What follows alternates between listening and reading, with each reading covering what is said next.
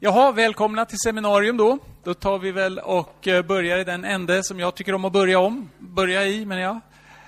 Ehm, nämligen att be. En skvätt, ska vi be? Är ni beredda? Herre, tack för att vi får vara här. Tack för att du ser oss. Jesus, du har sagt att du vet hur många hårstrån vi har på våra huvuden. Det betyder att du vet allt om oss, Herre. Du känner oss utan och innan. Jag tackar dig, Herre, för att du inte bara känner oss, utan du vill känna oss, du vill umgås med oss, du vill oss, Herre. Och du har gett ditt liv för, dig, för oss, du har gett ditt liv för att dra oss nära dig. Och jag vill verkligen be, Herre, att det ska få ske. Dra oss nära dig och, och påverka oss, Herre, på djupet. Vi vill leva i dig, Jesus, i din glädje, i din frid, med ditt hopp för våra ögon, Herre. Och vi ber att din vilja ska få ske i våra liv. Den glädje som kommer från himlen, från dig, Herre. Vi vill ha den i våra hjärtan, Herre. Och jag ber särskilt för de av oss som kämpar med tvivel, kanske depression, som man mår dåligt, det är jobbigt helt enkelt. Jag vill be Jesus om tröst, Herre. Särskilt för de bland oss som kämpar på det sättet, Herre. Jesus, du kan ge tröst och du kan ge hopp på ett sätt som ingen eller inget annat kan. Jag vill be, Herre, särskilt nu för dem som kämpar så, Herre. Tack för att du älskar oss. Och vi vill älska dig tillbaks, Herre, och leva med dig. Ta emot av det som är ditt. Hjälp mig att undervisa nu det jag har förberett. Jag vill be att det ska få bli viktiga aha-upplevelser eller inspiration för alla som är här nu, Jesus. Att vi ska få fascineras över din plan hur du har verkat i, i historien. Och att vi, vi får en trygghet utifrån det, Herre. Vi vet att du kommer fullborda ditt verk. Välsigna oss och hjälp, hjälp oss, Herre. Vi vill höra från dig, ditt ord, din Ande. Verka du. Vi älskar dig, Jesus. Tack. Amen. Amen. Jaha, eh, nu, nu skulle jag ju då prata om relationen mellan GT och NT och det, det blir ju inte riktigt så då. Men eh, det där kan man lägga upp på olika sätt. På sätt och vis har jag redan pratat om det. Det går att säga mycket mer om det förstås. Men det jag nu tänker göra är att prata om Bibelns röda tråd. Och genom att man ser den så, så, blir liksom, så får man en idé om inte bara hur eh, Nya Testamentet och Gamla Testamentet relaterar till varandra, utan också olika delar i Gamla Testamentet. Alltså man får liksom en, en helhetsbild. Och det vill jag att, att kristna ungdomar ska ha. För att när man läser Bibeln så är det så lätt att det blir plottrigt. Att man tycker så här, jaha, men varför finns det här i Bibeln för då? Eh, förstår ni? Det här, va, jaha, Jobs bok, helt plötsligt blupp, kommer Jobs bok och sen ordspråk. På liksom, och jaha, varför sitter det här ihop då? Varför, liksom, hur, varför sitter det här ihop? Och hur? Och att se den inre, den egna tråden i Bibeln. Så man fattar, wow! Och här är det något no, jazz, rock'n'roll på gång, ja. ja. Okej. Okay det är syftet med den här, eh, det här seminariet, att du ska få en känsla av att, att du ser... För när man pratar om någontings röda tråd, det är alltid lite lurigt. Därför att det går alltid att klistra på röda trådar och, och enhet på olika saker. På olika sätt alltså. Det, det, går liksom att försöka se kopplingar och så. Eh, det finns något som heter systematisk teologi, som man läser om man läser teologi. Då.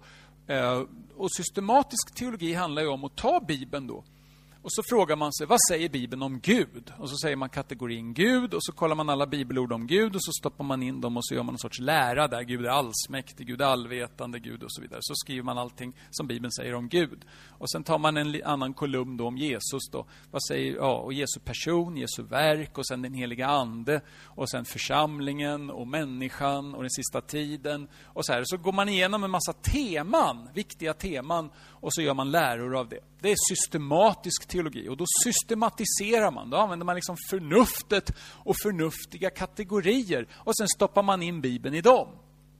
Och det där är bra, jag har inget emot det. Det är jättespännande att läsa. Vi hade en jättetjock teologibok när jag läste, läste teologi som hette eh, Millard Erickson Theology, Systematic Theology. Vi kallar den för Fete Eriksson, för den var så där jättetjock. Uh, och, och, och, och, den var riktigt bra faktiskt. Jag blev inspirerad. Tänk dig en jättetjock bok och man liksom wow. Så det brukar man inte uppleva, men den var riktigt bra faktiskt. Och man fick jättemycket biblisk eh, undervisning från den där. Det var jättebra. Så systematisk teologi är bra. Men en väldigt spännande tanke är ju att fråga sig, istället för att använda förnuftet för att liksom systematisera Bibeln, finns det någon sorts system, någon sorts tråd, någon sorts enhet från Bibeln själv? Ja, det gör det. Jag tror det. Och det är det jag ska försöka visa er här nu. Och jag hoppas att du ska bli lite inspirerad. För det blir i alla fall jag. Nu ska vi se. Bibelns röda tråd. Nu ska jag till att jag har... Ja, och sen kan jag trycka på den här nu. Nu, nu kommer allt på en gång här. Man kan tänka så här. Att man kan faktiskt dela upp Bibeln i två delar. Man kan dela upp saker i många delar och vilka två delar ska man ha nu då? Men här är ett förslag då. Första Mosebok 1 11. Det är liksom scenen kan man säga. Det första, de första två kapitlen är idyllen. Det är liksom skapelsen. Gud har skapat, allting är bra. Gud såg att det var gott och det var gott och det var gott och sen så skapade han människan. Då var det mycket gott. Så att det är som det ska. Allting är gott och bra. Men sen då så är det ett djur som är listigare än de andra djuren, ormen. Där. Och I Uppenbarelseboken får vi reda på att ormen faktiskt är djävulen. Så om ormen talade i form av en orm, förlåt, om djävulen talade i form av en orm eller om ormen är en symbol för djävulen, det tycker jag kan få vara en öppen fråga. Det är djävulen som verkar här och kommer in i bilden. Kanske faller han i samma veva eller så har det skett ett himmelskt syndafall innan. Där är också teologer lite delade i den meningen. Hur som helst, syndafallet sker och vi får reda på dess konsekvenser. Det första mordet händer ganska snart inpå. Och människornas hjärtan eh, uppfylls av synd och ondska. Och det står att människan var ond i alla sina uppsåt, alltid rakt och igenom. Det verkar som att ondskan verkligen tar ett rejält fäste i mänskligheten. Och Gud kommer då med domen, en, en flod som sveper bort allt detta. Och Noa och hans familj blir då eh, liksom starten på en ny mänsklighet kan man säga. Det intressanta är, när det gäller den, en liten parentes, det finns ungefär 200 olika sådana här flodberättelser i olika kulturer. Ni vet, liksom indianer i, i, i, i Amazonas och något gammalt bergsfolk i, i Burma och sådana här. Alltså sådana, sådana där folk som har levt helt isolerade från det vi kallar för civilisation.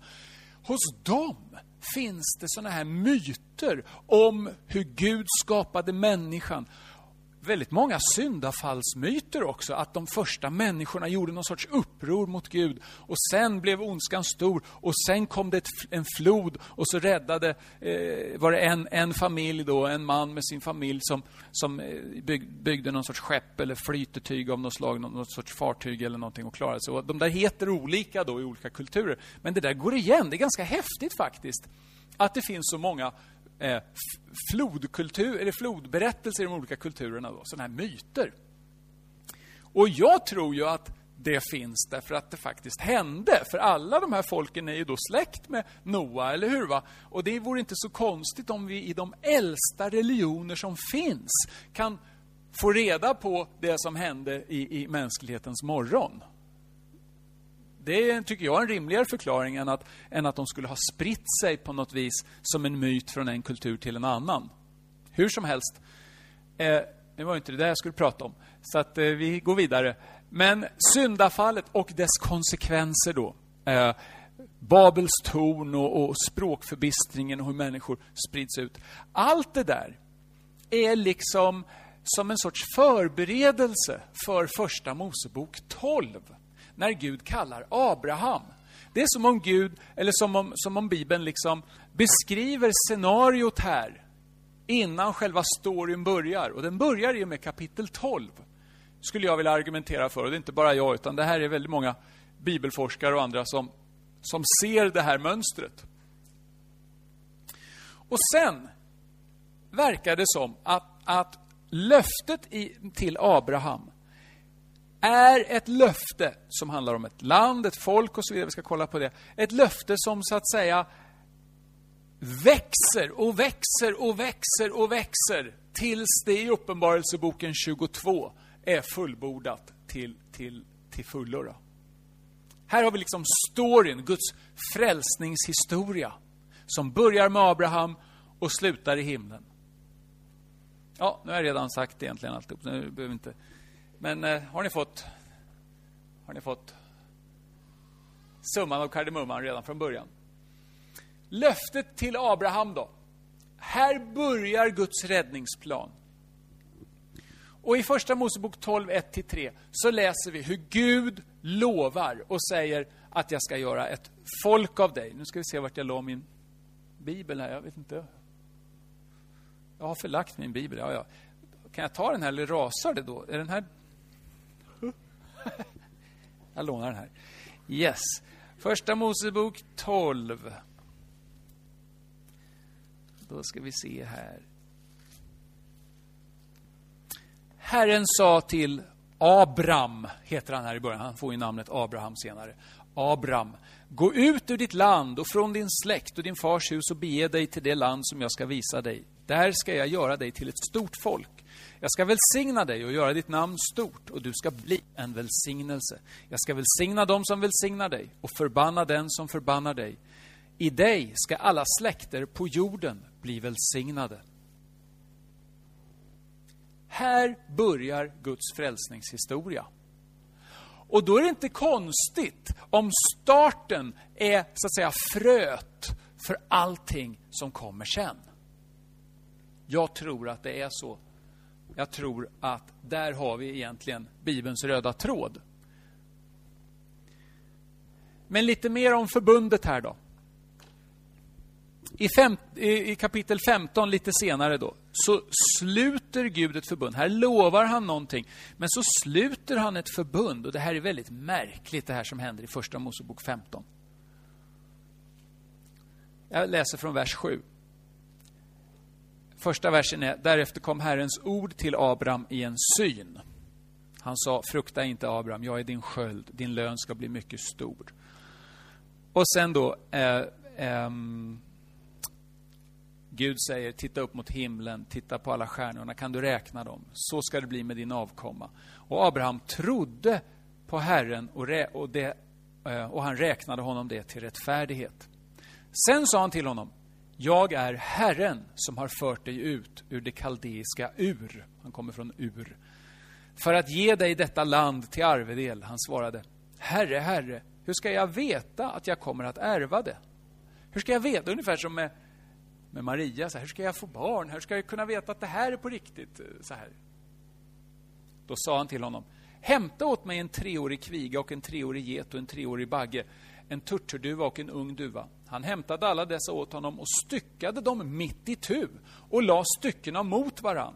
Men fåglarna styckade han inte. Och rovfåglar slog sig ner på de döda kropparna, men Abraham drev bort dem. När solen höll på att gå ner föll en tung sömn över Abraham och se, då kom skräck och ett stort mörker över honom. Och Herren sa till Abraham, det skall du veta, att dina efterkommande ska bo som främlingar i ett land som inte är deras. Där ska de bli slavar och man ska förtrycka dem i 400 år. Men det folk som gör dem till slavar ska jag döma. Sen ska de dra ut med stora ägodelar. Men du själv ska gå till dina fäder i frid och bli begravd vid hög ålder. I fjärde släktledet ska de återkomma hit, ty ännu har inte amorena fyllt sina synders mått. När solen hade gått ner och det hade blivit alldeles mörkt syntes en rykande ugn med en brinnande fackla som for fram mellan köttstyckena. På den dagen slöt Herren ett förbund med Abraham och sade åt dina efterkommande skall jag ge detta land från Egyptens flod ända till den stora floden, floden Eufrat.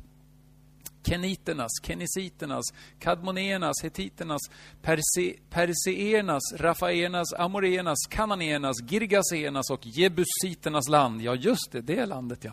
ja. Här gör Gud någonting väldigt speciellt. Dels så förutsäger han framtiden och säger vad som kommer att hända. Och det ger också en sorts roadmap, en sorts bild för en, en, en idé här om vad, vad, vad första Mosebok kommer att handla om. För det kommer att handla om att Gud faktiskt uppfyller sitt löfte, gör de här grejerna och att det här börjar hända. Men sen då säger han, jag ska ge dig det här landet.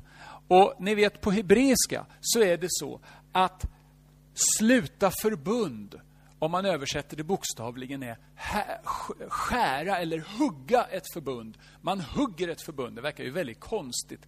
Men kanske kommer det från just detta en sorts gammal sed där man alltså styckade ett djur i två delar. Och där de båda förbundsparterna gick igenom det här djuret så att säga. Och symboliken är då att om inte jag håller mitt förbund med, mig, med dig, så må det gå med mig som med det här djuret. Då kommer jag förintas, då kommer jag klyvas i två delar. Jag kommer inte längre existera, jag kommer dö, jag kommer försvinna. Liksom jag, ungefär död över mig om jag inte håller detta. Och tänk dig då Gud i form av, i symbolisk form här som en, som en eld som då går mellan de här köttstyckena. Liksom. Det är ungefär som om Gud säger så här. Du undrar om jag, hur det här ska gå till. Jag kommer, så här kommer det här kommer hända. Det här och sen det där och sen det där. Och sen kommer jag ge dig landet, dina avkomlingar och du ska gå i frid hem. Det här kommer att hända. Och för att du ska fatta att jag lovar dig detta så kommer det gå med mig som med de här djuren, om inte jag gör detta. Tänk dig, Gud själv säger det. Gud säger, jag kommer upphöra, jag kommer dö om inte jag gör detta. Det är väldigt starkt, och, för, och för Abraham, så att säga, förmodligen då att han fattade det här, för det är liksom hur Gud anpassar sig, kommunicerar till Abraham på, utifrån hans kultur förstås, där man högg ett förbund ett, ett djur fick sätta livet till liksom, för att illustrera att det kommer gå med mig som med det här djuret om jag inte håller det jag lovar. Och nu säger Gud det och går mellan de här djuren. Så det är väldigt maffigt, tycker jag, att Gud faktiskt eh, liksom säger jag kommer upphöra existera. Om Gud upphör existera så då, då, är det väldigt mycket annat som försvinner, kan man säga. Allt går upp i rök. Och eh, är inte ens i rök förresten. Det finns ingenting då. Eh, så det är liksom omöjligt. va? Det är fullkomligt omöjligt att Gud inte kommer lova, inte kommer hålla sitt förbund, sitt löfte till Abraham. Förbundet var starkare än blodsband och Gud hugger här ett förbund med Abraham, eller Abraham som han sen kommer att heta. Och budskapet är, om jag inte håller mitt löfte så må det gå med mig som med detta djur. Så eh, löftet är liksom, hur ska jag säga, löftet är väldigt ensidigt. Gud lovar villkorslöst, jag kommer att göra det här. Jag kommer att göra det här. Det är inget snack om den saken. Och vi får också en, en, en bild här av hur löftet till Abraham liksom blir fylligare och fylligare. Abraham förstår inte precis vad som kommer att hända från början du, du ska få ett stort folk, men han vet liksom inte riktigt hur. Han vet inte hur det ska gå till.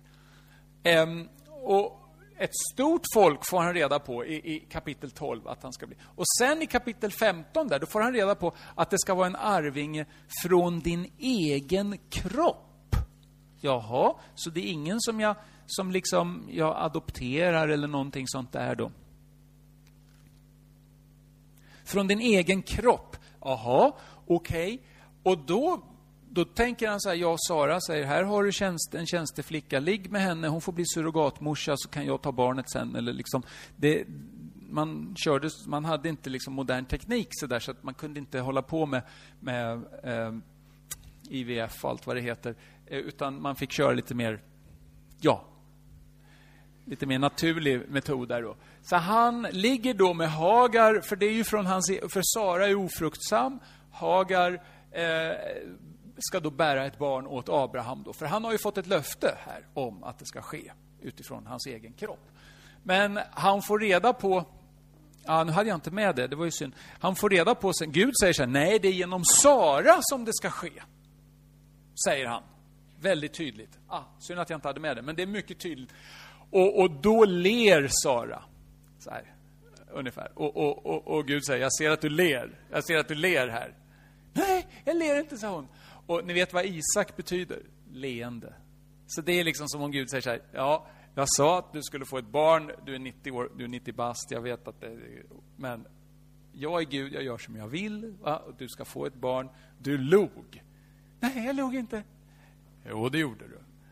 Och ungefär, han ska heta Isak. Skrattar bäst som skrattar sist, säger Gud. Liksom. Du log, jag ska nog minsann se till att det blir ett leende av det här. Abraham får veta att han ska bli fader till många folk. Han får också veta på, får reda på att kungar ska utgå ifrån dig. Så det är, liksom, det är som att Gud liksom lägger på grej efter grej här. Och gör det maffigare och maffigare. Och sen då förbundets tecken, omskärelsen. Som då gäller släkte efter släkte och det är ett evigt förbundstecken. Det är den enda motprestation egentligen, som, alltså ungefär som att för att visa att, att, att, ni, att ni ingår i, i förbundsfolket så är det det här tecknet. Man kan fundera på det där med omskärelse. Egypter, egyptier omskar sig, det ansågs vara den orena delen så att säga på kroppen. Och det är ju väldigt mycket, ni killar vet ju hur lätt det blir, jag menar bakterier, små, jag menar, vi behöver inte prata om de detaljerna men, men det, det är ju så att, att, att det blir lite smutsigt där. Och att då liksom skära bort det där är en sorts orenhet som man då skär bort. Dessutom så kanske det fanns en poäng att förbundstecknet sitter liksom på snoppen, där, där man ofta som kille frestas att synda mest. Liksom, eller hur? Alltså det är ju en del killar tänker ju inte med knoppen, de tänker med snoppen. Om då förbundstecknet sitter där. Det kan finnas en liten poäng där. Jag vet inte. Men hur som helst så, så Antagligen är det mer präglat av egyptisk eh, eh kultur och så, att det verkligen var eh, den orenaste delen, så att säga, på mannen. Och när man har med Gud att göra, då tas ens orenhet bort. Liksom. Det är symboliken. Och ett tecken som gäller släkt efter släkt och ett evigt förbundstecken. Och ska man ta det här, judarna, de omskär ju sina pojkar på åttonde dagen. Och detta gör man liksom som en självklarhet. Och jag tror att judarna ska fortsätta att göra det. För det här har bevarat deras identitet. Det är en sak. Sabbaten är en annan. Några grejer som har så att säga, bevarat dem som ett folk på ett fantastiskt sätt genom århundraden av förföljelse och så. Så att eh, det här tror jag, jag vet inte, nu kan vi prata om, om teologi och sådana saker, men jag tror ju att judarna ska fortsätta vara judar de ska inte sluta vara judar. Det Paulus betonar i sina brev, det är att vi som inte är judar inte behöver bli judar först för att sen bli frälsta.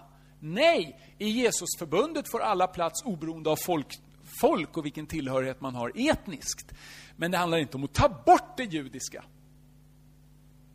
Det tror jag inte. Nej, det tror jag inte, för det här är ett evigt förbund, ett förbundstecken på Guds villkorslösa löfte till Abraham om att de ska bli ett folk i ett land med en välsignelse. Vänta nu, visst fanns inte, hade vi inte den där förut? Förbundet specificeras. Ja, just det. Prata, ett folk, ett land, en välsignelse för att bli en välsignelse. Guds folk i Guds land med Guds välsignelse för att bli en välsignelse för alla folk. Där har vi liksom kärnan i förbundet. Då. Eller inte bara kärnan, det är självaste löftet. ja. Och, oj, nu tryckte jag så väldigt mycket här. Ja. Så. Eh, och i Första Mosebok, om du läser Första Mosebok, så, och överhuvudtaget när du läser Bibeln, så är det så lätt att fråga, och jag tyckte du gjorde ett bra Eh, jobb där, Pelle, när du läste en bibeltext och så frågade du så här, ja men vad, vad betydde det där där och då? Liksom, du la ut det, du sa inte riktigt det, men det var, du la ut vad det betydde där och då. Och sen ställde du frågan, vad betyder det här för oss idag? Och det där är en jättebra och jätteviktig uppdelning, för det är så lätt att när vi läser Bibeln så tänker jag, ja men vad betyder det här för mig idag? Om jag inte tycker att det talar till mig, så är det lätt att man bara struntar i det. Så, ja, men jag läser det där som jag gillar och som talar till mig. Men hallå, du är ju inte universums medelpunkt. Du är inte den bibliska historiens medelpunkt. Du kanske skulle sätta en liten parentes kring dig själv för ett ögonblick och försöka fråga, vad är det för frågor som den här bibeltexten försöker besvara? Det är inte nödvändigtvis dina frågor, för det mesta är det inte det.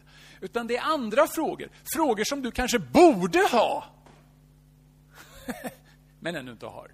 Eh, så, så att försöka sätta sig in i det bibliska perspektivet är väldigt nyttigt och kan bli väldigt inspirerande, för då får, det är som att vidga blicken. Va? Och, och när det gäller då första Mosebok, varför finns de berättelser som finns där? Varför finns de där? Vem, för Mose, förmodligen då, som har skrivit det här, kanske valt vissa berättelser som han hade med sig, som hebreerna hade med sig, eh, som muntliga traditioner. Vissa har han då valt ut. Varför det då? För att illustrera någonting. Vad då? Att Gud börjar hålla sitt löfte till Abraham direkt. Han har gett löftet och direkt så kickar det in. Att Gud börjar verka Gud börjar bli Abrahams Gud och välsignar Abraham på olika sätt. Och löftet börjar så att säga uppfyllas steg för steg. Vi får se i kapitel 12 då hur Abraham beskyddas, hur Sara beskyddas, för det är genom henne som de ska få en son, som det ska bli ett folk. Ehm, beskyddas så hon inte blir faraos eh, konkubin, en bihustru. Eh, och det här händer en gång till sen. Eh, en annan kung, Sara var ju gammal då, men hon måste ha varit väldigt eh, tjusig alltså. Eh, för att det är flera kungar där som är väldigt intresserade och så där. Så hon hade nog, hon var nog inte så skrynklig. Eh, konstigt nog. Eh, Abraham eh, välsign, han har krigslycka. Gud välsignar honom när hans brorson Lot eh, ehm, eh, hamnar i fara. Så så, så liksom Gud börjar välsigna Abraham och, och låta välsignelse flöda så att säga från Abraham. Och han välsignas av Melkisedek som är kung i Salem, inte Salems kommun utanför Stockholm där jag bor, utan Jerusalem. Vi, vi kallade min konfapräst för Melkisedek i Salem. Eh, hur som helst. Men så här är då en kananeisk präst åt Gud den högste och det är ganska häftigt att kananéerna har en präst åt Gud den högste. Det betyder att det fanns en levande gudstjänstgemenskap utanför Abrahamsförbundet. Innan Abrahamsförbundet. Det kan man verkligen klura på. Jag tror ju att det finns hedningar, så att säga, om man tittar på de här riktigt gamla kulturerna då, de här, eh, i, i Amazonas djungel och så vidare, som har fått någonting av Guds uppenbarelse.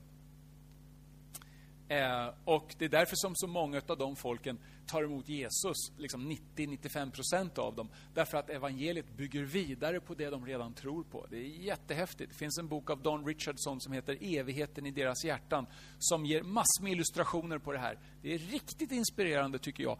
Och det svarar också på en viktig fråga. Den här, ja men vad då? Är det bara genom kristendomen då? Alla andra religioner? Då brukar jag svara, vänta, ja, just det, men om vi går till de allra äldsta religionerna på jordklotet, då är de faktiskt bibliska. De har bibliska trosföreställningar. Och de har till och med haft sina egna profeter, där de sagt en dag så kommer en vit man med en vit bok och han ska berätta sanningen och, och, och, för, och förkunna frälsning. Och sen när Carl Anderson från, från Kanada sitter på sin, på sin åsna där och, i Burma någonstans, jag tror det här var Burma, så, så kommer det då det här bergsfolket som är föraktat av alla, som har motstått buddhistisk mission i, i många hundra år. Och, och, de flockas kring den här mannen och han tar fram sin bibel och säger det är vita blad, en vit man med en vit bok, precis som vår profet sa. Och, och, och, han börjar predika om Jesus och de märker att det här är ju precis fortsättningen på liksom, ja, på det de redan tror på. Jättehäftigt. Så den, den rekommenderar jag. Evigheten i deras hjärtan av Don Richardson. Hur som helst, Melkisedek var en kung, han kallar det för Melkisedek-faktorn. Liksom en, en hednisk präst, liksom, fast inte i en hednisk religion, utan åt Gud den högste.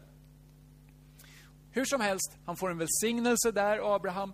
Han, han räddar Lot, för Abrahams skull räddas Lot. Han blir så att säga en välsignelse för andra. Abraham beskyddas också i kapitel 20.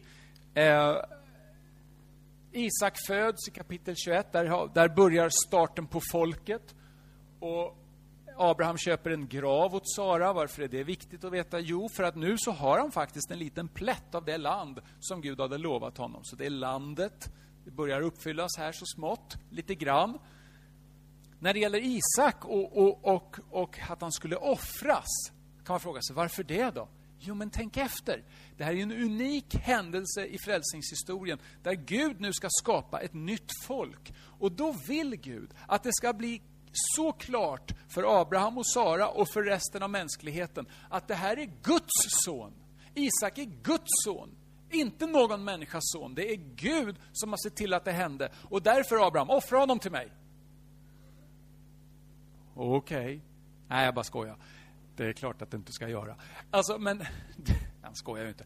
Men det var ju ett test för att kommunicera och för att Abraham själv skulle på något vis ge över Isak till Gud själv och säga, det här är din son, det är bara du Herre som har gjort att jag fått den här sonen. Det är din son, det är ditt folk. Det är Gud som skapar Israel ur intet. Det är Gud som skapar ett folk ur ingenting här. Det är därför jag tror att, att Abraham då får befallningen. Förbundet förs vidare, löftet återupprepas i Första Mosebok till Isak. Det återupprepas till Jakob och även till Josef, till de andra bröderna i kapitel 49. Så att det är som att löftet, liksom, det, löftet är det som knyter ihop Första Mosebok. Eh, första Mosebok. Se, se, ser ni det här? Nu försöker vi alltså läsa Första Mosebok utifrån Första Moseboks eget fokus. Och, och, det är så jag tror man ska försöka läsa Bibeln överhuvudtaget faktiskt. Ja, går vi vidare här då. Abrahamsförbundet i Andra Mosebok. Nu börjar det hända grejer. Gud gör ett folk från cirka 70 personer som då flyttar ner. Jakob och hans familj, eh, hans, hans eh, eh, hustrur och deras barn och deras familjer. Cirka 70 personer flyttar ner till Egypten, där Josef då har blivit eh, faraos högra hand, blivit premiärminister. Och sen så blir de då ett mäktigt folk där. Så här är det som att, kommer ni ihåg vad Gud sa till Abraham? Eh, de ska bli förslavade, de ska bli ett stort folk, de ska bli förslavade i ett annat land, men sen kommer jag döma det folket. Och varför gör Gud det här då, kan man fråga sig.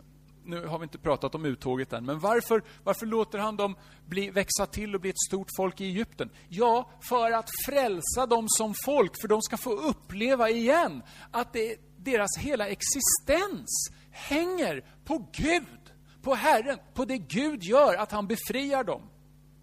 Det är därför han skapar det här eländet för dem. Det kan man tycka är lite oschysst kanske. Men, men det, är ju, det är ju för att de ska få uppleva att de är Guds folk och inget annat. Ingen annans folk. Och Det här är ju lite häftigt om ni känner till då berättelsen om hur Gud kallar Mose med den brinnande busken. Då säger Herren så här, att Abraham, Isak och Jakob, de kände mig under namnet Herren Gud. Eh, eh Gud den allsmäktige, förlåt. Men inte eh, under namnet Herren. Jaha, det verkar ju konstigt. Va, vad, är, vad är det Gud säger där då? Då säger han på hebreiska att de kände till mig som Elohim, alltså Gud i största allmänhet. Men inte Herren, JHVH, Javé. Javé i Gamla Testamentet är förbundsnamnet. Gud som förbundsguden, Israels Herre och Gud, så att säga. Och vad är, vad är Guds poäng där? Ja, hans poäng är att Abraham, Isak och Jakob, de kände mig som Gud, men de hade inte, de kände ju till att jag kallades för Herren, jag vet, jag visst. Men de fattade inte innebörden i det namnet. De fattar inte innebörden i att jag är en Gud som håller löften. Nu ska jag börja förverkliga löftet. Nu ska ni bli ett folk, ni ska få ett land. Nu ska det hända. Nu ska du, Mose, få lära känna mig som förbundsguden, för nu ska vi göra de här grejerna som jag lovade. Okej, okay, nu kickar vi igång här. Det är budskapet i och med den brinnande busken. Och löftet upprepas eh, och nu kommer Gud uppenbara innebörden i sitt förbundsnamn Javé. Nu kommer de lära känna honom som Israels förbundsgud. För det är så med namn i Bibeln. Namn är inte bara en etikett, en liten tag som du klistrar på någonting. Namnen betyder någonting. Den, namnet står för någonting. Den person du är, eller någon händelse, eller någonting mer innehållsrikt, eller vad man ska säga. är vad namnet står för. Och nu är det så att de har inte förstått, de har inte lärt känna mitt namn, min person Javé, så att säga. De har inte fattat innebörden i det, de har inte sett det, de har inte upplevt det, men det kommer de få göra nu. Och befrielsen då ur Egypten är en uppfyllelse av Abrahams löftet. Eh, vi kan ju läsa det där, Andra Mosebok 6. Och Gud sa till Mose, jag är Herren.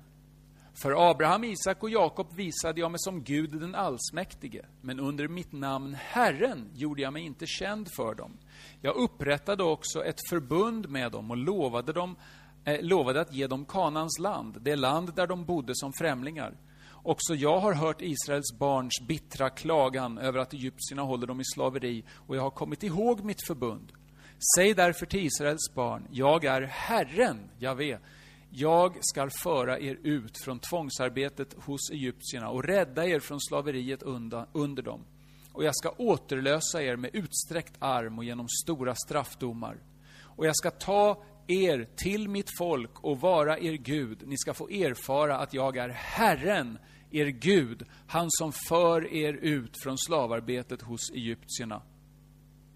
Och jag ska föra er till det land som jag med upplyft hand lovade ge till Abraham, Isak och Jakob. Jag ska ge det till arvedel. Jag är Herren, Javé. Allt detta talade Mose till Israels barn, eh, men de hörde inte på honom på grund av sin otålighet och det hårda arbetet. Så här ser ni, det kopplar an till Abrahams löftet. Abrahams, Isaks, Isaks och Jakobs Gud. Man tycker, det, varför tjatar de om det hela tiden? Ja, därför att det handlar om Abrahams löftet i botten. va? Och under ökenvandringen ser vi en övernaturlig vägledning, Guds välsignelse, en övernaturlig befrielse från Röda, genom Röda havet, där när egyptierna är efter dem. En övernaturlig matutdelning, han tar hand om dem, eh, manna, vaktlar och vatten övernaturlig seger i, i strid, en övernaturlig laggivning, hur Gud ger lagen till sitt folk. Och, och kom ihåg, lagen, vi tycker att lagen det är så hårt och strängt och sådär. Nej, men tänk efter. Här har de ju redan blivit räddade. De blir inte räddade genom att hålla lagen. De blir räddade först och sen får lagen. Så att man lever inte i lagen för att bli frälst. Inte ens Israel gjorde det. Utan de blev frälsta så att säga, från Egypten, räddade från Egypten först.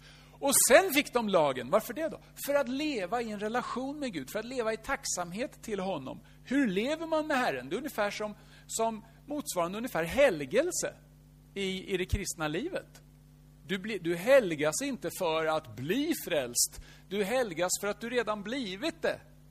Är du med? Och samma sak här. Här får de lagen för att leva i relation med Gud. Inte för att bli frälsta eller för att komma in i en relation med Gud, för det har de redan. Gud har redan räddat dem. Så, så tro inte att Gamla Testamentet tänker att, att du håller lagen för att bli frälst. Nej, det, finns, det är en, en vantolkning av Gamla Testamentet som fariseer och andra hade på Jesu tid och Nya Testamentets tid. Men det är inte Bibelns egen idé. Jag, jag tror inte det i alla fall. Eh, och här får de en laggivning och då kan man fråga sig, för att, jag menar, tänk om du har ett helt folk. Det är klart att du måste ha en lag då. Det måste, vi har ju Sveriges rikes lag. Det måste finnas en struktur, det måste finnas goda ordningar. Här blir det då en civilrättslig lag och sen en, en, en eh, liksom rituell eller lag, då, en sorts religiös lag, då, hur man relaterar till Gud, offret och alla de här bitarna. Och allt det här blir en välsignelse, ett sätt för Israel att relatera till Gud och till varandra där kärlek till Gud, kärlek till nästan finns inbakad. Visserligen anpassad efter den tiden, efter de förutsättningar som fanns då, men, men som verkligen drar dem åt rätt håll. Och det kan man se om man jämför Mose lag med omkringliggande folks lagar. Eh, om du inte känner till den boken så rekommenderar jag den, eh, av Stuart och Fee. How to read the Bible for all it's worth. Eh, att läsa och förstå Bibeln heter den, Libris förlag. Jättebra bok som handlar just om bibeltolkning och kapitlet om lagen där är väldigt bra, tycker jag. Där, han, där de visar just att... Um, och vad jag skulle säga där. Jag glömde bort det. Ja, nåväl. Så en, i alla fall jättebra bok om lagen och om bibeltolkning överlag. Eh, eh, ja. Okej. Okay. Eh, så här sluter då Gud ett förbund med folket också. Så att, märker ni, han lovar Abraham saker, han för vidare det där löftet. Det, det, eh, och sen, nu börjar vi göra de här sakerna. Han säger till Mose, nu ska de förstå att jag är Abrahams, Isaks och Jakobs Gud, att jag håller förbund, nu ska jag göra detta. Så ger han hela folket ett lag, en, en, en lag, han skapar dem som ett folk, så att säga. Han räddar dem. På massor med olika sätt så visar han att utan mig så skulle ni inte existera som folk eller som individer. Det, det, era, hela er existens hänger på mig. Det är jag som har gjort er. Och, och sen sluter han ett förbund. Den här lagen då blir ett sorts förbund, ett sorts löfte här då. Jag kommer vara er Gud, men gör de här sakerna, lev i de här sakerna. Det är det här som jag ger er. Så att ni återspeglar mig, så att ni är mitt folk. Och löftet i Josua bok här, nu så, de är olydiga så att ökenvandringen tar 40 år istället för, för några månader. Eh, och Josua blir en ny ledare. Israel intar och fördelar landet. Det relaterar till, till första Mosebok 15, där Gud säger till Abraham att ni ska inta landet, men amoreernas synder, inte, deras mått är inte uppfyllt ännu. Och det där är en lurig grej. Jag vet inte om du har kämpat med det, men i Josua bok så sägs, sägs det liksom utplåna de här folken. Och det verkar ju så grymt. Och det är det ju på sätt och vis också, för det är ju en dom ifrån Herren. Men man ser också hur Gud har väntat i många hundra år. Innan liksom syndernas mått är uppfyllt.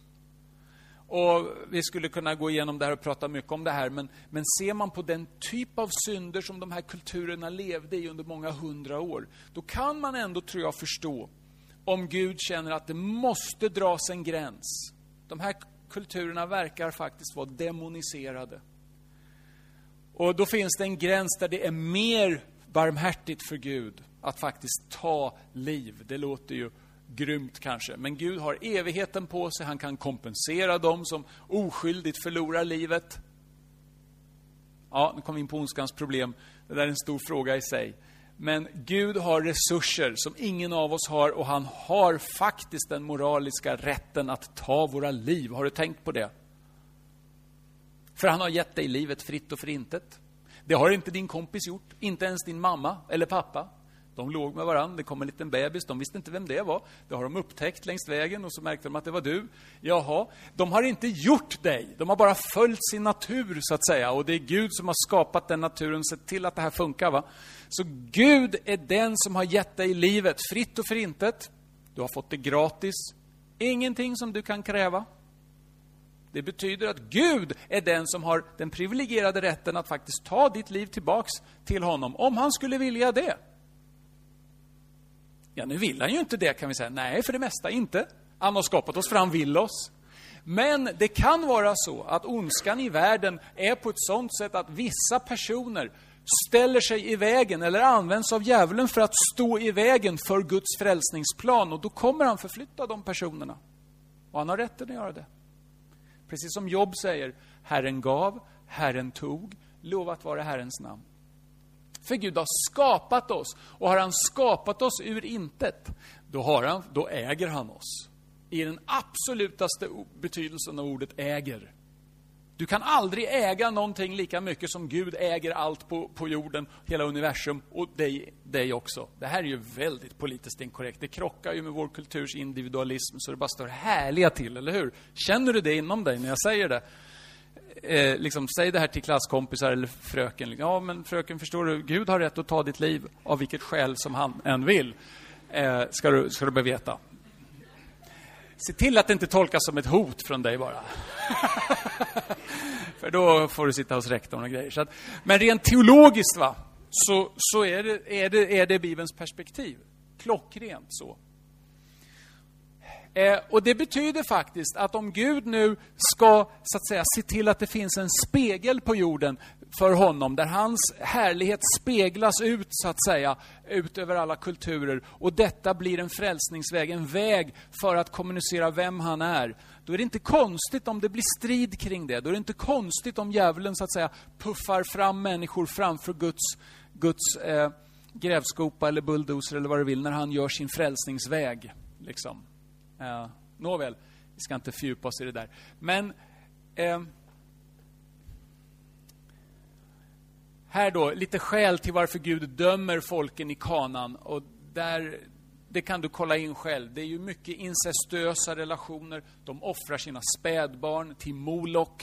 De, det, det, det finns, alltså kananéerna hade, och fenicierna som också är en, en, en del av den kultursfären, de hade ju eh, kolonier i Medelhavet, vid, vid Kartago där, i, i, dagens Tunisien, hade de en stor koloni. Och där finns det alltså än idag kullar, eh, stora kullar som när man gräver i dem så är de fulla av små ben, barnben. Alltså det är, det är resterna av, av eh, små barn som man offrade till sin gud Molok. Så det här var ju en, en kultur som var eh, väldigt hemsk på det sättet alltså. Och som Gud till sist dömde. Eh, mycket hårt. Eh, erövringen av landet nämns faktiskt i, i, i, Nya Testamentet, i Apostlagärningarna på två ställen. Dels är det Stefanus och dels är det Paulus som nämner detta. Så i Nya Testamentet så verkar det som att man ser det här som en Guds handling. Gud uppfyller sitt löfte, ger landet till, till sitt folk. Och som det beskrivs, beskrivs på flera sätt. För att land, och, och, så kommer då varningen, lev inte som folken gjorde eh, i det här landet innan, för då kommer landet utspy er, sägs det då. Så här sätts då ribban väldigt högt. Lev inte på det sättet. Och tyvärr ser vi då i Gamla Testamentet hur, hur man ändå lever. Eh, ibland tar över då kananéernas riter och, och sådana grejer. Men Gud ger dem landet. Och han gör det då, han väntar därför att Gud kan inte döma, Gud vill inte döma hur som helst. Han vill verkligen döma bara när det är absolut nödvändigt så att säga. När synden, syndens mått är alldeles proppfullt. Liksom. Och det är en sorts bild på att, att nu är det inte längre gott att Gud visar tålamod. Eh, och, och, och, vilket han har gjort i flera hundra år alltså. I relation till de här kulturerna. Så att eh, Gud ger dem nu landet och det är ju en bokstavlig uppfyllelse av löftet till Abraham. Så efter det här då, när de har landet, då börjar en nedgångsperiod och den läser vi om i Domarboken. Eh, domarboken 2.10, då talas det om en ny generation som inte har varit med om de här sakerna som Josuas generation var med om. Och då kommer ett förfall. Då börjar det bli moraliskt och, och andligt kaos i landet. Och vi ser en cykel i domarboken. Ett avfall från Gud, en dom och sen vänder de om och så blir de räddade. Ofta genom en domare då, övernaturlig makt. Då. Så det där snurrar runt ett gäng varv i domarboken. Och där finns en nyckelfras i domarboken och det är den här. På den tiden fanns det ingen kung i Israel. Därför gjorde folk som de själva tyckte, att de, eller som följde sitt eget huvud ungefär. Det där återkommer i domarboken gång på gång. Och här ser vi då, kommer ni ihåg, att kungar ska utgå från dig, säger Gud till Abraham. Så, så här har vi, och även i Mosebok så finns det lagar om, om kungen då, hur han ska underordna sig Herren och, och, och, och ha en kopia av, av Guds ord och sådana här saker. Och här då i domarboken så är det som att, ja, här är det andligt och moraliskt kaos. Varför det då? För nej, det fanns ingen kung. Det fanns ingen ordning på det där sättet, som det, som det borde vara. Och sen har vi då Ruts bok som är ett undantag under domarperioden. Om du läser de första verserna i Ruts bok så står det under den tiden då domarna regerade Israel, så hände det här. Det är då en, eh, alla gjorde som de själva ville för det fanns ingen kung. Så det var andligt och moraliskt kaos. Men inte så i Betlehem, i Davids stad. I Betlehem, Betlehem är liksom en, en pärla, ett undantag i den här kaosperioden. Ehm, och Boas och Rut är då rättfärdiga personer som liksom står för en, en, en rättfärdighet och en gudsfruktan som saknas väldigt mycket i landet. Och sista versen i Ruts bok, i nyckelboken, där får vi reda på att de är Davids farfars far och farfars mor. Så det är som om, det är som om liksom domarbokens och Ruts författare på något vis pekar fram mot kungariket och säger, ja det var förfall här för det fanns ingen kung. Men det startade, redan under förfallsperioden så fanns det en glimma hopp, en, en, en andlig, vad ska jag säga, liten strömfåra av liv som kommer leda fram till vem då? Kung David. Ruts bok, den andliga bakgrund som den kommande kungen kommer ifrån, så att säga. Här har han liksom gått påbrå ungefär, andligt sett. Så löftets uppfyllelse från Andra Mosebok till Andra Samuelsboken. De har blivit ett folk, de har fått ett land, de har blivit välsignade, de har blivit en välsignelse och en förbannelse för andra folk. Det är som att de återspeglar liksom Guds både välsignelse och domar då och blir ett redskap för båda, båda två. Och här då, kungariket börjar. Och här har vi då en nyckelvers i Andra Samuelsboken. 7.16 där det står det är Gud som då lovar kung David att min nåd ska inte vika ifrån honom som jag lät den vika ifrån Saul, som jag, eh, som jag lät vika för, vi, som jag lät vika för dig. Ja. Ditt hus och ditt kungadöme ska bestå inför mig till evig tid. Ja, din tron ska vara befäst för evig tid. Så ser ni, här, här liksom kommer det ytterligare ett lager på Abrahams löftet. Abrahams löfte är ett folk, en välsignelse och kungar ska utgå från dig. Just det, det här ska bli ett kungadöme. Aha, och kungadömet, det ska bli en evig tron på det här kungadömet. Det här folket, det här landet, det ska vara ett kungadöme och en evig tron. Aha, wow. Oj. Mhm. Första Mosebok 17, det var det jag nämnde. Kungar ska utgå från dig, säger Gud till Abraham. Och Domarboken 17.6 som föregriper, så att säga, eh, kung, ett kungarike då. Andligt sett så är det kaos, för det är inget kungarike. Liksom, löftet är inte uppfyllt på, på ett stabilt sätt riktigt ännu. Och då kan man fråga sig, men folket då, de, de vill ha en kung och, och Samuel är emot det. Eh, och då säger Gud, nej men låt dem få en kung, det är inte dig de kritiserar, det är mig. Eh, det är lite dubbelt här. Men då är, nog, är det nog så att folkets motiv till att få en kung är fel. Men detta att få en kung är inte fel i sig. Saul blir den första kungen, det skiter sig. Eh, kung David tar över och han är en kung efter Guds hjärta, står det då. Och sen kommer kung Salomon som, under den tiden då, så ser vi Israels högkultur, verkligen. Eh, och vishetslitteraturen flödar här. Under Davids och Salomons dagar så uppfylls Abrahams löftet bokstavligt. De har politisk kontroll på hela det området som går upp till Eufrat. De, har, så att säga, de, är ett stor, de är en stormakt då. Och de är ett folk, de är välsignade, de har ett tempel, de har rikedom, de har vis... Gud välsignar Salomo med en övernaturlig vishet. Och det är en del av välsignelsen, Abrahams välsignelsen till folket. Och det är därför vi har Jobs bok, alltså sån här vishetslitteratur. För den kommer från den vishetstradition som har Salomo som huvudperson med Ordspråksboken, Predikaren. Så verkar det som att Jobs bok har slunkit in där. Man kan lite grann fundera på det. Jag har inte svar på alla frågor. Men den här vishetstraditionen som finns i Gamla Testamentet, varför finns den där? Jo, därför att Salomons vishet är en del av välsignelsen till Abraham. För nu är de på toppen. Mänskligt talat så har nu alla löften från Gud uppfyllts. Nu har Gud visat att han är Abrahams, Isaks och Jakobs Gud, att han är den som håller förbund. Löftet är uppfyllt. Allting har fullbordats. Det blommar nu. Det här är blomstringstiden och därav får vi så att säga vissa andliga frukter som fortfarande finns kvar i Bibeln. Va? Ser ni liksom logiken? Det luriga här är då att nu börjar en nedgångsperiod. Kung David eh, ligger med Batseba, han ser till att hennes man dör, så han är både en mördare och en äktenskapsbrytare.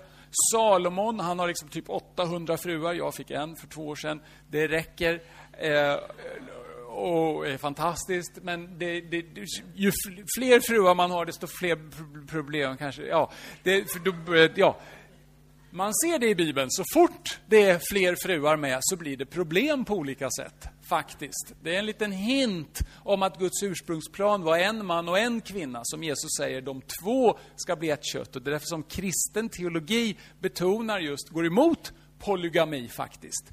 Eh, inte för att det förbjuds i Bibeln, men därför att idealet är mycket tydligt i Jesu undervisning.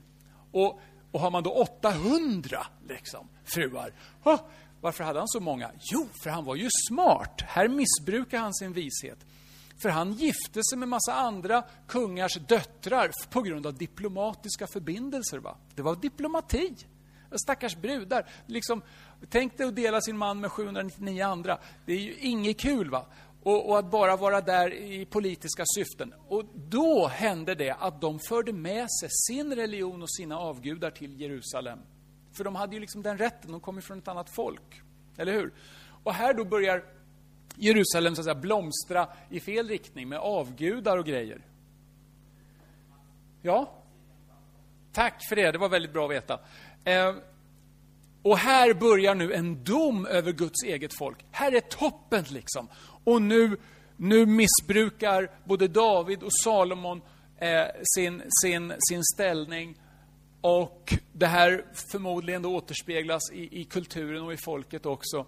Så att, att Guds dom börjar komma och här får vi då en katastrof som inträder när det blir inbördeskrig bland Guds eget folk. Och riket delas i Första Konungaboken kapitel 12. Eh, och det går ganska fort alltså. Eh, riket delas i två delar. Är det någon som, som vet vilka två riken? Vad heter, vad heter det ena? Nordriket. Jerusalem, förlåt, Nordriket, Israel. Och Sydriket, Juda, med Jerusalem som huvudstad. Nordriket har Samaria som huvudstad. Så tio stammar i norr och sen två stammar i söder, Juda och Benjamin, med Jerusalem som huvudstad. Nordriket, Israel kallas det för, Sydriket, Juda. Och alltså, det här är ju rena rama katastrofen. Och det är därför som profeterna dyker upp nu. Varför kommer profeterna nu? Varför var inte profeterna tidigare? Elia och Elisa, de två första profeterna, de dyker upp. Varför det då? Därför att nu inkarneras inte så att säga Guds välsignelse och Guds närvaro i, i, den officiell, i det officiella Jerusalem, i det officiella Israel. Ett folk med Guds välsignelse, kungar. Nu är det kaos. Och då kommer profeterna för att tala om eh, varför det har blivit kaos, ge en analys av läget från Guds perspektiv, från Guds lags perspektiv och visa varför det har blivit så här. För nu är det inte uppenbart att de är Guds folk.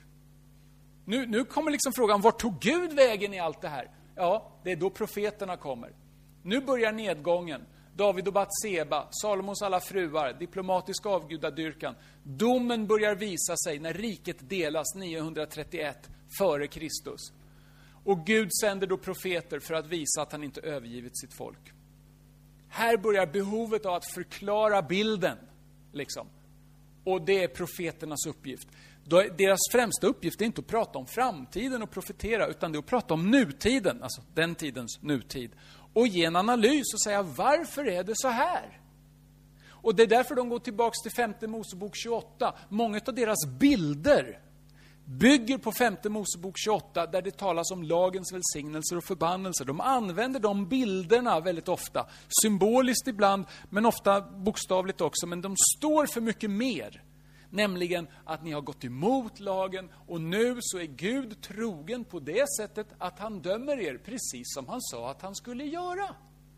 Gud är inte otrogen, Gud har inte lämnat sitt förbund. Han håller det, han håller det stenhårt. Det är därför ni döms. För han gör precis som han lovade och sa att han skulle göra. Va? Därför vänd om, vänd om för då kommer ni också få välsignelse. Det är profeternas budskap. Domen kommer sen då. Eh, profeternas budskap är ju vänd om. Och gör ni inte det så kommer domen fortsätta. Och det är vad som händer. Nordriket Israel invaderas av Assyrien 722 f.Kr. Och här händer ytterligare en katastrof som blir så att säga obegriplig i det judiska tänkandet. Israels tio stammar eh, deporteras till Assyrien och försvinner i historiens dunkel. Och det är därför som judiska historiker håller på och klurar på vart tog de vägen? Man kollar in olika folk i Centralasien och i norra Indien och så vidare för att se om de har hebreiska ord eller hebreiska seder. Om, det liksom, om de här tio stammarna har liksom, om de kan återupptäckas på något sätt. En av de festligaste och mest ironiska eh, upptäckterna här är att Pashtunerna tycks ha en massa judiska seder och bruk. Pashtunerna, vilka är det då? Ja, det är ju det folket i Afghanistan som är talibanfolket. Talibanfolket är kanske ett judiskt folk från början som kommer från de här, någon av de här tio stammarna. Är inte det ett öde, alltså är inte det ironiskt? Talibanerna som är extremmuslimer och emot Israel mer än, ja, så mycket det bara går. De kanske är judar egentligen i botten. Hä? Tänk om det vore så. Nu kanske inte det går att bevisa, men de verkar ha blivit påverkade av det judiska i alla fall. Kanske är de en sån stam, eller en blandning. Nya folkslag beblandar sig med judarna. Och Samarien uppstår, en mix mellan då olika folkslag och de judar som är kvar där. Sydriket sen invaderas 586 eh, före Kristus. Och de här händelserna, innan och efter, och under tiden, så att säga, är ju det som profeterna i Gamla Testamentet talar om. De varnar och säger domen kommer. Det, tittar man på de profeter som verkar innan 722 så är domsbudskapet det dominerande. Tittar man på de profeter som verkar efter 586 så är liksom förlåtelse och upprättelse huvudbudskapet. Grovt räknat. Eh, babyloniska fångenskapen i 70 år, där judarike då, Juda och Benjamin, Juda är den stora stammen, Benjamin den lilla, förs iväg då 70 år i fångenskap. Och det är därför vi kallar dem för judar. Därför att Judas stam är den enda som liksom överlevde. De tio andra försvann och Benjamin är så liten så man bryr sig inte om honom. Så man kallar det för judar. Det är därför det... Ja.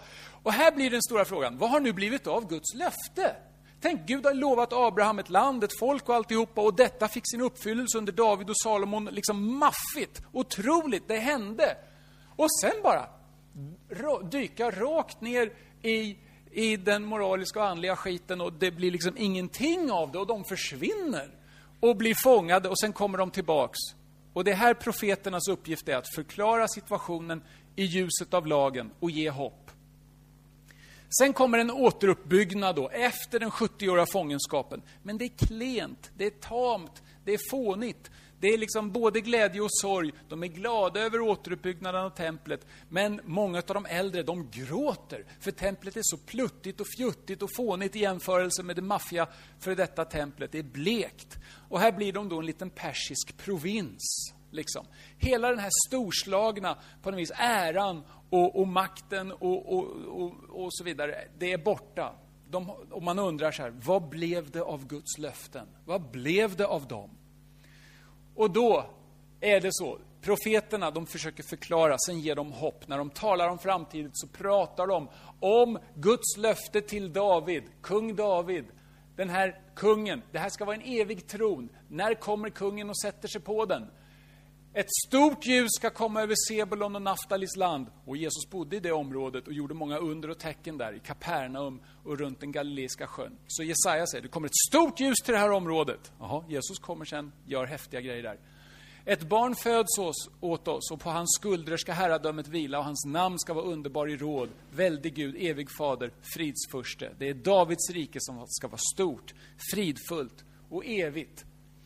I Jesaja 11 så får vi reda på att Isai då, eh, eh, på Isais avhuggna stam ska det skjuta upp ett skott. Det handlar alltså om Davids son igen. En person på vilken Guds ande ska vila, han ska döma i rättfärdighet och det ska vara en sån enorm frid då. Eh, och alla hedna folk ska söka Messias som blir då ett baner för folken. En stor välsignelse ska komma, överflöd av vatten. Blinda ska se, döva ska höra, lama ska springa, stumma ska tala. Ehm, och den här tjänaren ska lida och dö en offerdöd, enligt Jesaja 52 och 53. Eller 53. Ehm, eh, Jeremia säger att en rättfärdig arvinge från David kommer regera som kung och ska skaffa rätt och rättfärdighet på jorden. Gud ska sluta ett nytt förbund och han ska lägga sin lag i sitt folks bröst och skriva sin lag i deras hjärtan. Han ska förlåta deras synd. Hesekiel säger att Messias ska komma och bli en herde för fåren och föra dem i bet och i skydd. Messias ska vara en evig kung, en herde och folken ska bo eh, i landet med frid. Han ska sluta ett evigt fridsförbund med folket och Gud ska ha sin boning hos dem. I Daniels bok så uttyds en dröm som Nebukadnessar har med en staty på fyra riken. Eh, och eh, det fjärde rikets tid, så räknar man på det så blir det romarriket. Under romarrikets tid så kommer det här nya riket, det messianska riket, att träda in. Det där är jättehäftigt tycker jag, att, tids, att det tidsbestäms, i alla fall i grova drag, under vilket rike Messias ska komma. Ehm, Gud ska upprätta Davids förfallna hydda. Guds herde ska bli slagen och fåren ska skingras. Från Betlehem ska en furste komma som tillhör förgångna tider. Och i psalm 22 så blir Davids lidande en förutsägelse om eh, Messias lidande. Så jag vill att ni ska få bilden klar för er. Fattar ni? Löftet till Abraham, det väcks det bara byggs på, det händer mer och mer. Och sen under Davids och Salomons dagar så är det fullbordat och sen kommer en nedgång. Och då blir liksom den stora frågan, hur ska detta fortsätta? För det måste fortsätta, det måste fortsätta. Gud har lovat detta. Det finns inget annat. Och det är därför som judarna då bara undrar, är du Messias? Är det du? Är det du? När kommer han? För det måste komma. Det måste komma. Och sen då när, när Johannes döparen då träder upp, liksom då hela den här förväntan finns riktad mot honom och han säger då, nej det är inte jag, men efter mig så kommer en och jag är inte ens värd att knyta hans dojor. Jag är värd ingenting i jämförelse med honom. Han kommer, aha, vem är det då? Det är Messias. Det är Messias. Och sen börjar Jesus prata. Han träder upp. Han säger att han har kommit för att uppfylla skriften. Han ser på sig själv som en uppfyllelse av Jesaja 61. Guds ande vilar på honom och så vidare. Han menar att profeterna har förutsagt hans lidande. Allt som är skrivet om honom i Mose lag, psalmerna och profeterna, måste uppfyllas. Varför det då? Ja, men de har ju lovat det. Ser ni riktningen? Det är så klockrent. Vad innebär då uppfyllelse? Ja, här finns tre varianter. Och alla tre tror jag gäller. Att hålla ett löfte. Genom Jesus så visar Gud att han håller löftet. Här kommer kungen, riket, uppfyllelsen av löftet till Abraham att fullborda ett mönster. Gud har handlat utifrån ett mönster. Nu så förverkligas det mönstret ännu tydligare. Uppfyllelse, att uppfylla ett syfte och en vilja. Guds vilja sker nu genom Jesus och uppfylls på det sättet. Och Jesus säger då, här är Markus sammanfattning av Jesu budskap. Tiden är inne, Guds rike är nära, omvänd er och tro på budskapet. Och det är faktiskt så, om du läser Jesu undervisning utifrån Gudsrikestanken, då får du ihop pusslet. Jesus är kungen i riket, han gör anspråk på det. Han öppnar vägen, en ny och levande väg, in i Guds rike. Han demonstrerar vad Guds rike innebär genom tecken och under, och hans undervisning handlar om Guds rike. Det är Guds rike den handlar om. Det är inget annat. Och varför det då? Därför att han är kungen som sitter på Davids tron och Davids löftet bygger på Abrahams löftet om ett folk, ett land och en välsignelse. Ser ni hur det hänger ihop? Och det måste bara fortsätta. Om Gamla Testamentet står för sig själv så kan det inte vara sant, så att säga. För det kräver en fortsättning, annars har Gud svikit sitt löfte. Och då är Abrahams löftet ett påhitt. Jesu liknelser handlar om hur Guds rike fungerar. Har ni tänkt på det? Med himmelriket är det så här, säger Jesus gång på gång. Med riket är det så och så. Känner ni igen det? Jesu etiska undervisning i bergspredikan handlar om hur man lever och tar emot Guds rike. Saliga de fattiga anden, de hör, tillhör himmelriket. Guds rike, det är ju när Gud regerar, när Guds vilja får ske till 100 procent. Han gör anspråk på att vara kungen, han undervisar om riket, han demonstrerar riket, han öppnar en ny väg in i riket. Och här ser vi förbundstanken som en röd tråd och det är Abrahamsförbundet som är det viktigaste. Vi ser ett sorts förbund redan i skapelsen. Gud firar sabbat på sjunde dagen, inträder i någon sorts förbundsrelation med skapelsen. Det åtföljs av syndafallet. Noa, där är ett sorts litet löfte då om att han inte ska förstöra världen genom vatten. Eh, fine, men det kan ju ske på andra sätt då. Eh, Abrahamslöftet gäller då en klan, åtföljs av en nedgångsperiod, slaveri i Egypten. Sen ett löfte till Israel, eller en lag till Israel, gäller då ett folk, åtföljs av en nedgångsperiod, domarboken, kaos och strid. Sen David, löfte till David om ett kungarike, åtföljs av en nedgångsperiod, babyloniska fångenskapen. Och sen då Jesus, här kommer Jesusförbundet, gäller alla folk, ett globalt imperium som kommer följas av den sista tiden, jordbävningar, pest, hungersnöd och förföljelse. Och sen till sist då, det nya Jerusalem. I det nya Jerusalem, i Uppenbarelseboken 22, så ser du den slutliga uppfyllelsen av det Gud har lovat. Där är det Guds folk, i Guds land, med Gud själv som en välsignelse. Och det är judar där, de har en särskild plats och en särskild roll. Men sen är det proppfullt av folk från alla andra nationer och folkslag.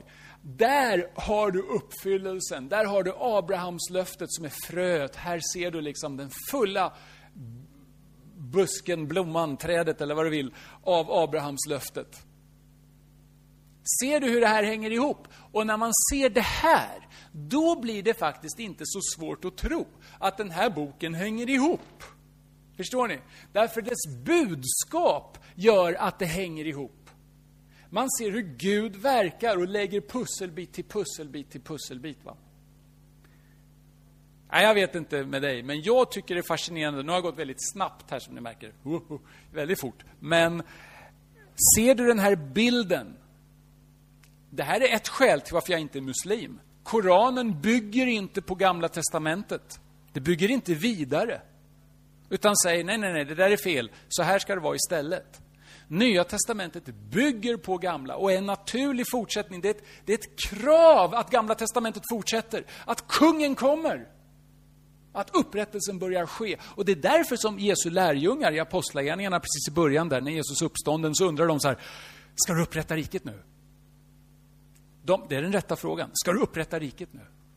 Och Jesus säger, ha, det, hör ni killar, det är upp till Fadern, det, det, det, det tar vi sen. Nu ska det spridas till alla folk, hedna folken. Nu ska det spridas ut evangeliet genom den heliga Ande. Och så kommer en massa folk, det är som en skörd. Gud kommer hösta in liksom miljon, miljarder människor till riket. Och sen kommer det. Och det är inte så långt kvar. Och nu säger kineserna att de ska evangelisera hela muslimvärlden. Ni vet att koreaner skickar ut fler missionärer än amerikanerna gör, till exempel. Alltså, det, det sker, under 1900-talet så har det formligen exploderat. Som Jesus sa, evangeliet kommer gå över hela världen. Det är väldigt häftigt. Och det är Abrahamsförbundet, ett folk, ett land och Guds välsignelse, Guds närvaro. Ja, jag vet inte vad ni säger, men jag tycker det är häftigt. Jag tycker det är häftigt. Ja, hörni, då ber vi en bön här. Är ni beredda?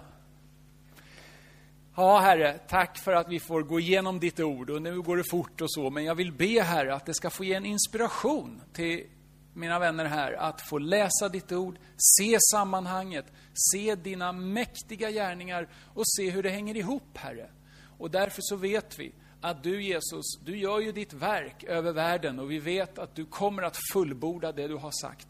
Hjälp oss, Herre, att vara trogna i det vi står idag vi tillhör den del av världen där kanske avfallet har börjat nu. Och vi ber att vi ska få vara starka och tydliga och frimodiga. Hjälp oss, Herre, att inte eh, liksom hålla på och ducka hela tiden och vara rädda för eh, världen eller för, för vad icke-troende säger till oss hit eller dit. Hjälp oss, Herre, att vara trygga i dig och förstå att det här som du har startat, det är bara, det måste ske och du är på gång. Och du håller på att göra det, Herre. Vi vill vara med i det på ett litet hörn här i Sverige. Låt det ske, Herre. Vi vill stå med i din mäktiga, mäktiga flod av välsignelse och liv så att vi får vara med, Herre, bland ditt folk, i ditt land, med din välsignelse. Herre, kom, kom Jesus. Amen, amen, amen. Tack för att ni lyssnat tålmodigt. Jag vet att det är lite jobbigt sådär, men eh, hoppas ni fått ut någonting av det. Guds välsignelse till er. Yes.